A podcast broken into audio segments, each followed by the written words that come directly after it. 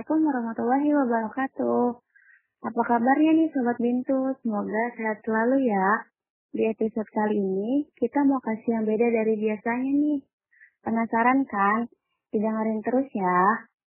Di episode kali ini, kita akan bahas tentang kepenulisan. Menarik kan? Karena pasti banyak dari kalian yang suka nulis, tapi takut untuk di-share ke banyak orang. Nah, kali ini kita mau ngundang seseorang. Siapa ya kira-kira? Beliau adalah Kak Mona Melisa. Beliau adalah lulusan D4 Kebidanan Poltekkes Padang. Wah, jauh banget nih ya dari Padang. Beliau adalah founder dari Menulis Buku Bareng, founder dari Rumah Perempuan, dan juga founder Bidan Inisiator Sumber. Langsung aja kita undang Kak Monanya ya. Assalamualaikum Kak Mona. Waalaikumsalam dia. Apa kabarnya nih Kak? Alhamdulillah baik. Alhamdulillah. Sekarang kira-kira kesibukannya apa nih Kak? Uh, kesibukan sekarang uh, sebenarnya kan dibilang alumni uh, dampak sih belum. Hmm. Tapi dibilang masih kuliah sudah selesai tinggal nunggu sudah gitu. Nah, walaupun uh, karena terhambat pandemi ini ya, jadi ditunda dulu wisudanya dan belum tahu sih kapannya gitu. Dan sekarang juga sedang lanjut profesi di Poltekkes Kemenkes Surakarta. Terus sibuk uh, ya ngurusin rumah perempuan nulis buku bareng uh, bikin satu kembar sama uh, melanjutkan naskah-naskah yang harus diselesaikan. Gitu deh kira-kira banyak banget ya kak sibukannya Ya begitulah, tapi lebih sibukkan dia pasti nih ya. Aduh. nah, uh, berhubung kamu ini kan founder dari menulis bar buku bareng ya kak.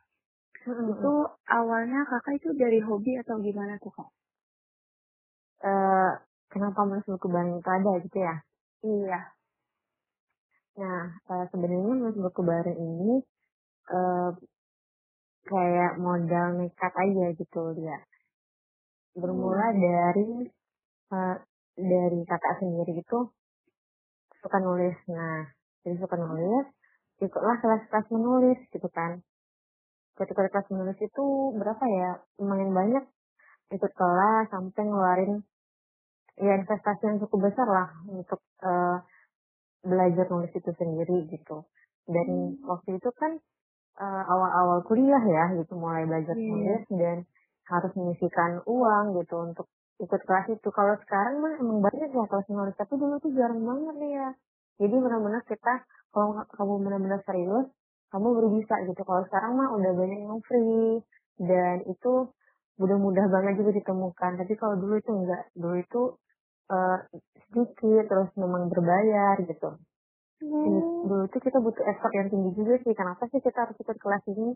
Di satu sisi kita sebagai maba nih yang uh, ya tau lah kehidupan maba apalagi seorang bidan gitu ya yang hmm, banyak betul. kegiatannya tuh begitulah ya dia nah penuh sekali mulainya uh, suka nulis terus belajar akhirnya ketagihan nih ikut kelas nulis terus dan uh, singkat cerita setelah itu keluarlah uh, karya-karya tapi antologi nih. Nah kalau karya antologi itu dari sanalah mulai orang-orang kayak bertanya konsultasi mana gimana sih mon? Cara nulis? Mon gimana sih bisa bikin buku? Uh, dan pertanyaan-pertanyaan yang serupa lah istilahnya tentang penulisan. Nah ini di sana itu kayak uh, kerasa bahwa ah ini kayak uh, kode dari Allah gitu. Kayak kamu punya ilmu kenapa sih kamu gak bagi juga ke orang? gitu nah bermula dari sana pengen juga membagikan yang menutup buat orang lain. Akhirnya dengan modal bismillah aja Bismillah menulis buku bareng ini. Tapi awalnya itu uh, program ini tuh hanya untuk anak Poltekkes karena waktu itu kebetulan uh, menjabat di DEM kan di bagian literasi gitu, di literasi. Terus ya udah deh coba deh kita angkat program ini. Dan itu khusus uh, di Poltekkes Padang. Tapi anehnya nggak uh, banyak yang pengen gitu kan. Nah berpikirlah apa kita buka uh, umum aja kali ya.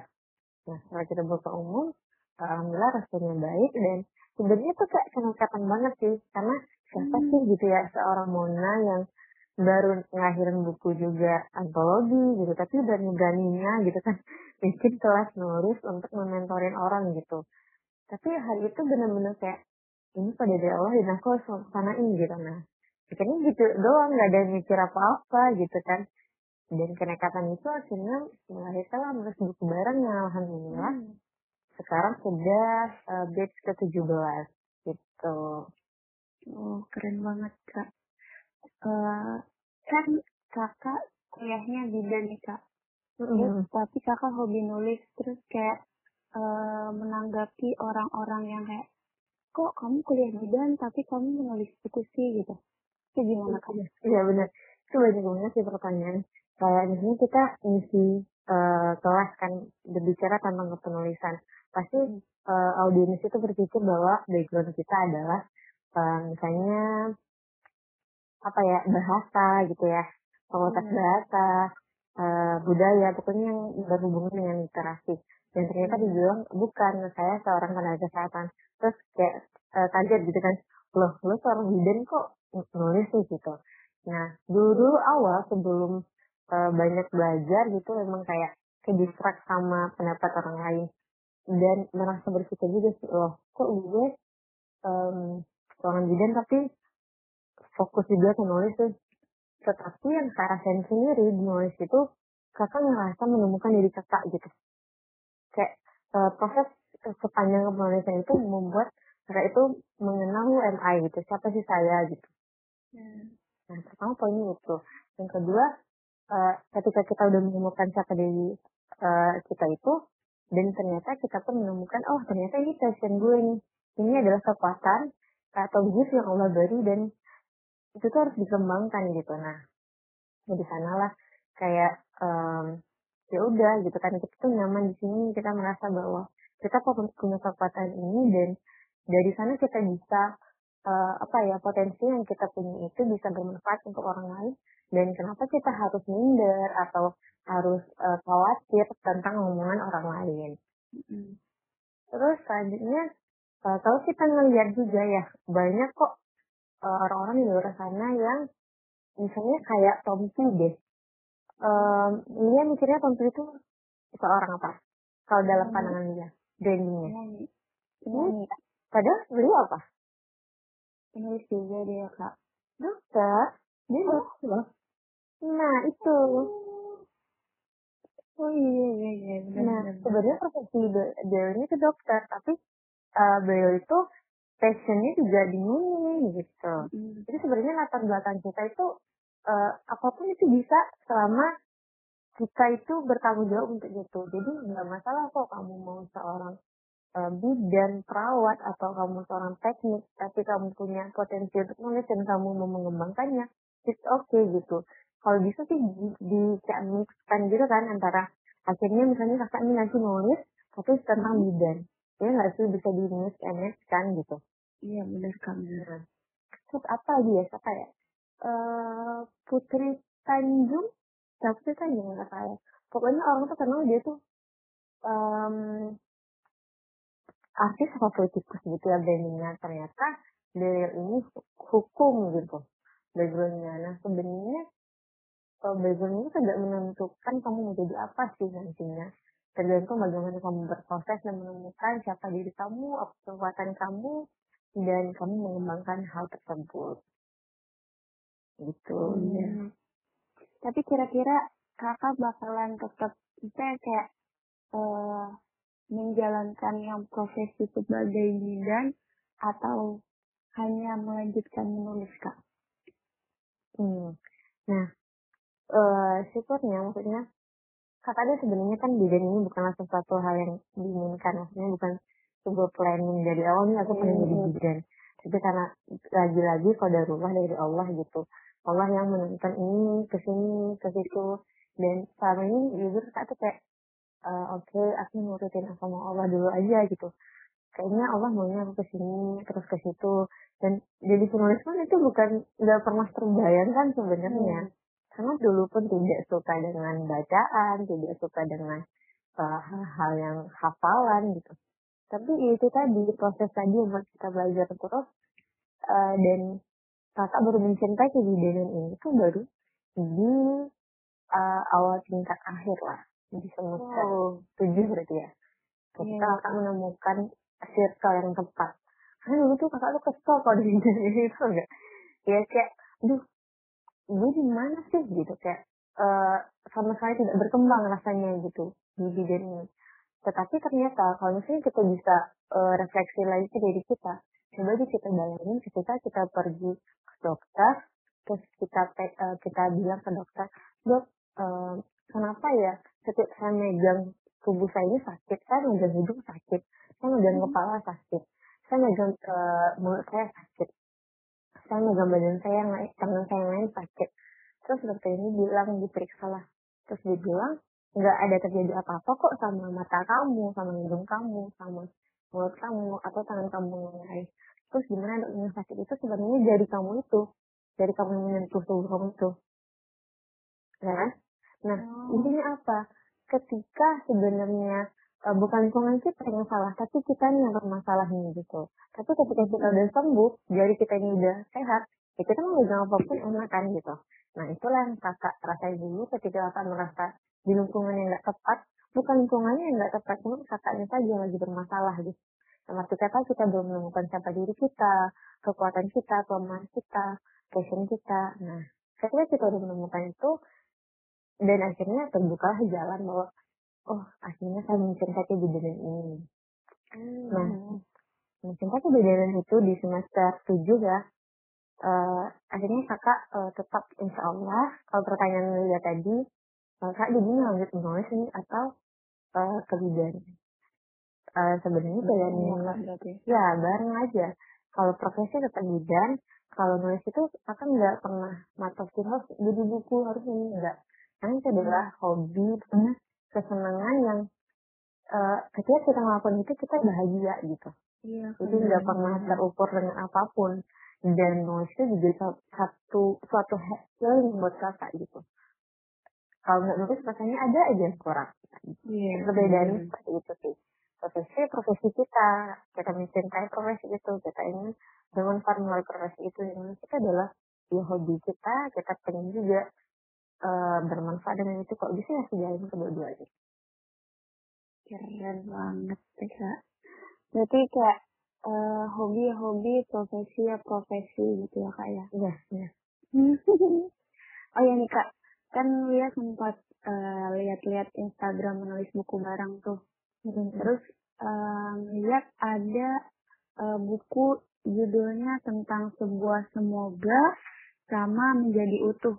Itu Iya. gimana sih kak ceritanya bisa sampai diterbitin dan katanya udah eh, udah banyak banget gitu kan kak yang beli gitu lah kak istilahnya. Amin, amin. ya, ini cerita kenapa bisa terbit ya. Iya, kakak ngomongnya kecepatan gak sih? Enggak, Sorry ya, ini terlalu semangat ditanya sama dia. Kalau tentang sebuah semoga itu kan buku pertama. Ya, follow gitu. Dan itu biasanya juga gak mudah karena menyelesaikannya itu banyak pergolakan juga. Dan itu tadi, kalau kita udah jalan menuju kejadian itu pasti banyak aja halangan gitu ya. Jadi kalau di sana misalnya lagi menyelesaikan naskah ini, pasti banyak kok halangan di tangan yang males lah, yang mager lah. Atau apa aja tuh banyak banget. Nah, Iya pasti kak. Mm-mm. Jadi sebuah semoga ini tuh sebenarnya itu adalah cerita pribadi yang dibubu-bubu. Itu based on story banget gitu. Iya iya, keren keren keren. Em, itu tuh awalnya pengen bener-bener dijiplak cerita dari kakak sendiri gitu kan. Emang bener-bener cerita story cerita full. Tapi ternyata ketika nulisnya gak mudah. Ternyata mengumpulkan puzzle-puzzle yang kita udah pernah lupakan akhirnya pernah kita buang. itu nggak mudah ternyata. Akhirnya ya dimodifikasi lah, dibumbui, gitu. Hmm. Karena kan emang novel itu kan fiksi. Sesuatu yang bisa diimajinasikan. Jadi kita nggak perlu terpatok dengan cerita kita. Tapi intinya kita punya value yang mau kita bagikan. Nah karena memang itu ceritanya tentang eh kita hijrah kakak pertama. Yang Hmm. kedua juga tentang keinginan kuliah di, di UGM ini sebut merek nggak apa ya Iya, kak.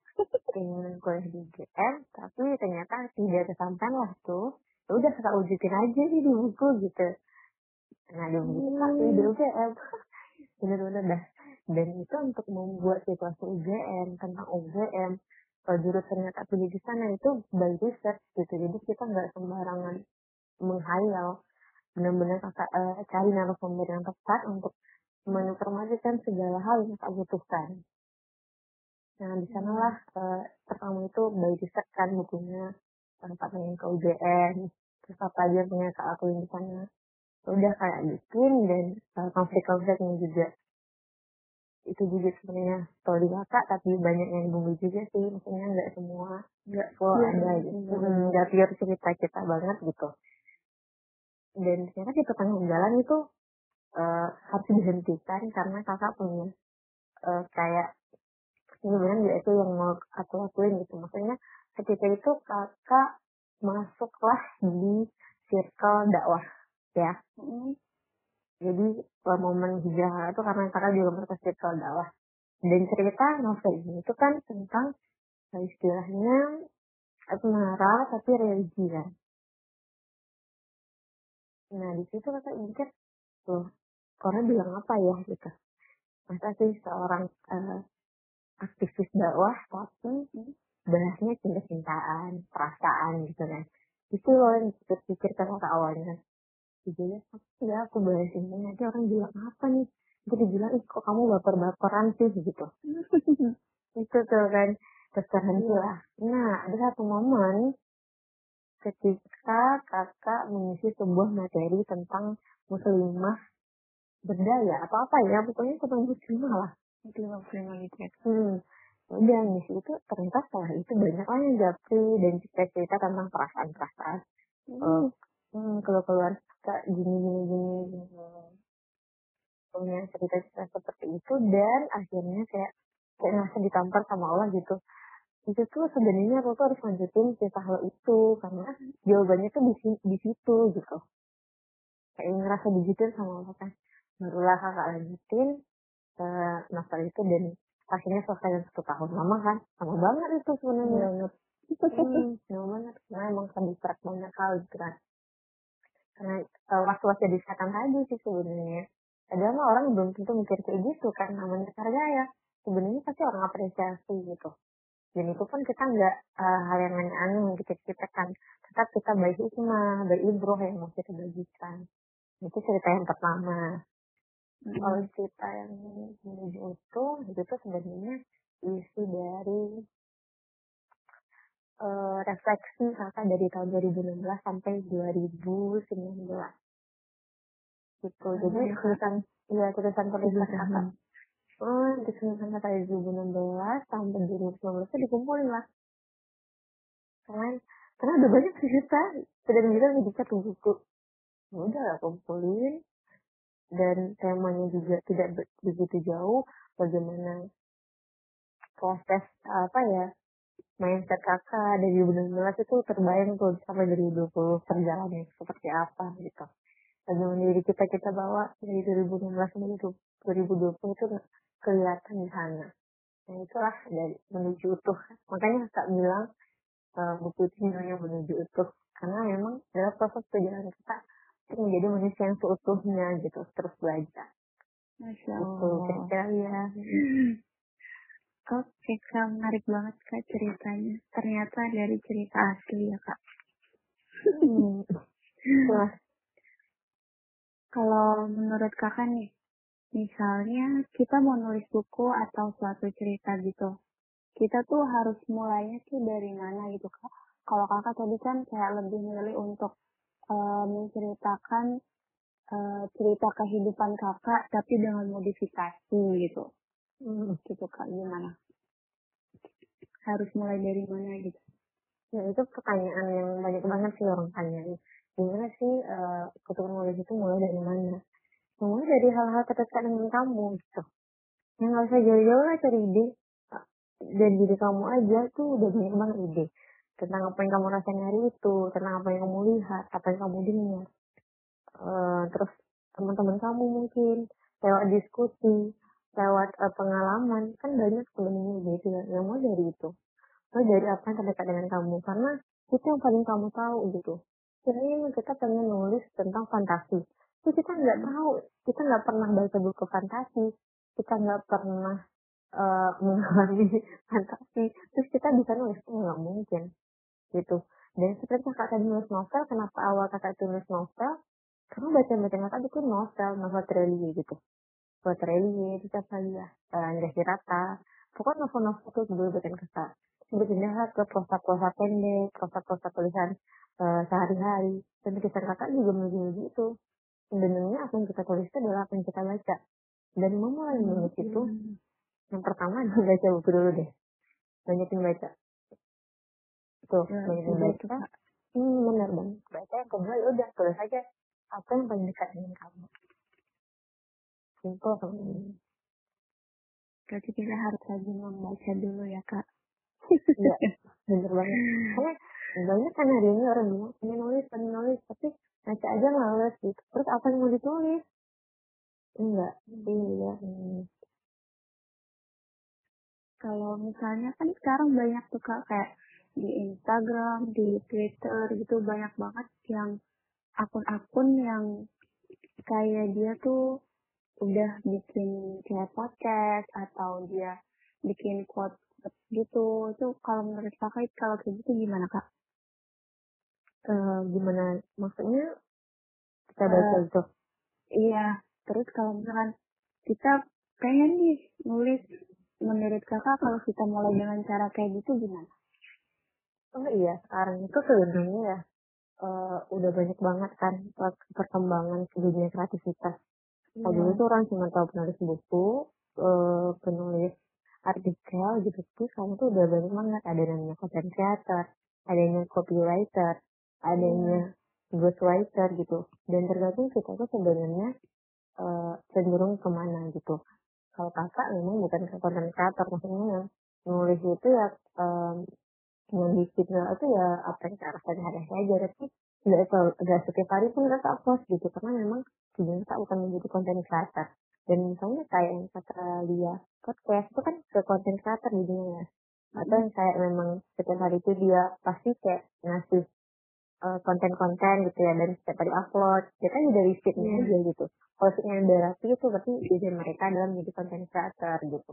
Terus oke sih. Selama kamu memang eh, diri kamu seperti itu dan kamu pengen berkembang seperti itu ya why not? Sekarang itu udah rame banget gitu dunia kreativitas itu udah banyak banget yang bisa kita lakuin. Nanti mungkin banyak lagi nih yang lebih berkembang. Kan entah apalah yang nanti muncul. Ya Bener kak, bener-bener. Nah, yang terakhir nih kak, bagi tips dan trik gimana biar kita percaya diri kalau mau nulis sesuatu. oke percaya diri.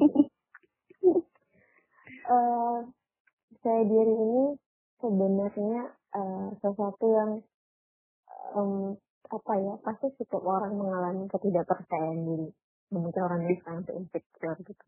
Tetapi intinya adalah yang pertama kita harus tahu dulu eh, kenapa kita harus nulis itu. Karena kenapa kita harus nulis gitu? Karena itu yang selalu tak tanya ke pembelajar di Indonesia gitu. Kalian daftar ini terus mau nulis itu kenapa gitu udah ketemu nggak sih jawaban kenapa itu kalau belum berarti wajar. Kalau nulis itu nggak pede em, takut ngelain orang takut ini takut itu. Karena kita tuh berekspektasi eh, dengan manusia gitu kan. Kan tidak percaya diri itu karena dilihat manusia kan. Dan Iya. ya apa-apa yang kita tanyakan pada manusia itu pasti kecewa gitu. Nah intinya Pasti. Hmm, benar. Jalannya apa? Ya udah tuh, nggak usah berekspektasi dengan tulisanmu. Kalau kamu mau nulis ya nulis aja gitu. Dan Nah, emang eh, keinginan sendiri hmm, gitu ya sendiri eh, strong way tadi apa gitu. Alasan kamu nulis itu untuk apa? Kalau untuk dinilai orang lain mah eh, pasti ada yang pro ada yang kontra kan? Nggak mungkin kamu tuh eh, semuanya mendukung. Itu aja sih sebenarnya simple banget nih intinya kamu tahu way kamu kenapa dan ya udah kalau kamu mau nulis nulis aja dulu nggak belajar satu lagi banyak belajar karena ka- kita tidak pede itu kan karena kita kekurangan bahan lah istilahnya. Kita, kita ujian aja. Ketika kita nggak pede untuk menjawab soal kan karena kita nggak belajar kan sebelumnya. Coba aja kita belajar uh, benar-benar belajar sebelumnya pasti kita pede. Cuma kan nulis kita belum banyak baca, belum banyak uh, mengembangkan ilmu tentang penulisan, pasti kita ada perasaan tidak pede. Tapi perasaan tidak pede itu sebenarnya hal yang wajar. Kenapa? Karena artinya kamu tuh sedang uh, bertumbuh. Dan arti kata kan kamu di, di nyaman tuh. Jatuh gitu kan kita nggak nyaman sama diri kita. Dan kalau orang bilang kan, gimana sih cara kita biar lebih baik? Ya udah lo keluar deh dari zona nyaman lo. Keluar dari zona nyaman itu apa ya? Ketika kita merasa nggak nyaman gitu. Ketika kita merasa nggak pede, artinya kita lagi belajar. Artinya kita lagi growth. Artinya kita lagi bertumbuh. Dan itu sebenarnya baik kan?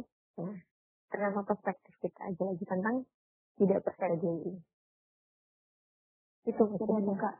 Berarti susahnya kita harus keluar dari zona nyaman. Ya, benar. Oke deh kak. Makasih ya kak udah mau diganggu, udah mau ditanya-tanya. Iya, banyak banget. Banyak banget yang udah didapat lah dari pembicaraan kita kali ini. ya, semoga ya ada ya. Oke deh, terima kasih ya kak. Ya, sama-sama. Nah, seru banget kan episode kita kali ini. Masih akan ada banyak banget episode menarik lainnya. Dengerin terus podcast Bidan Membantu ya. Sehat keluarga, sehat Indonesia. Terima kasih. Wassalamualaikum warahmatullahi wabarakatuh.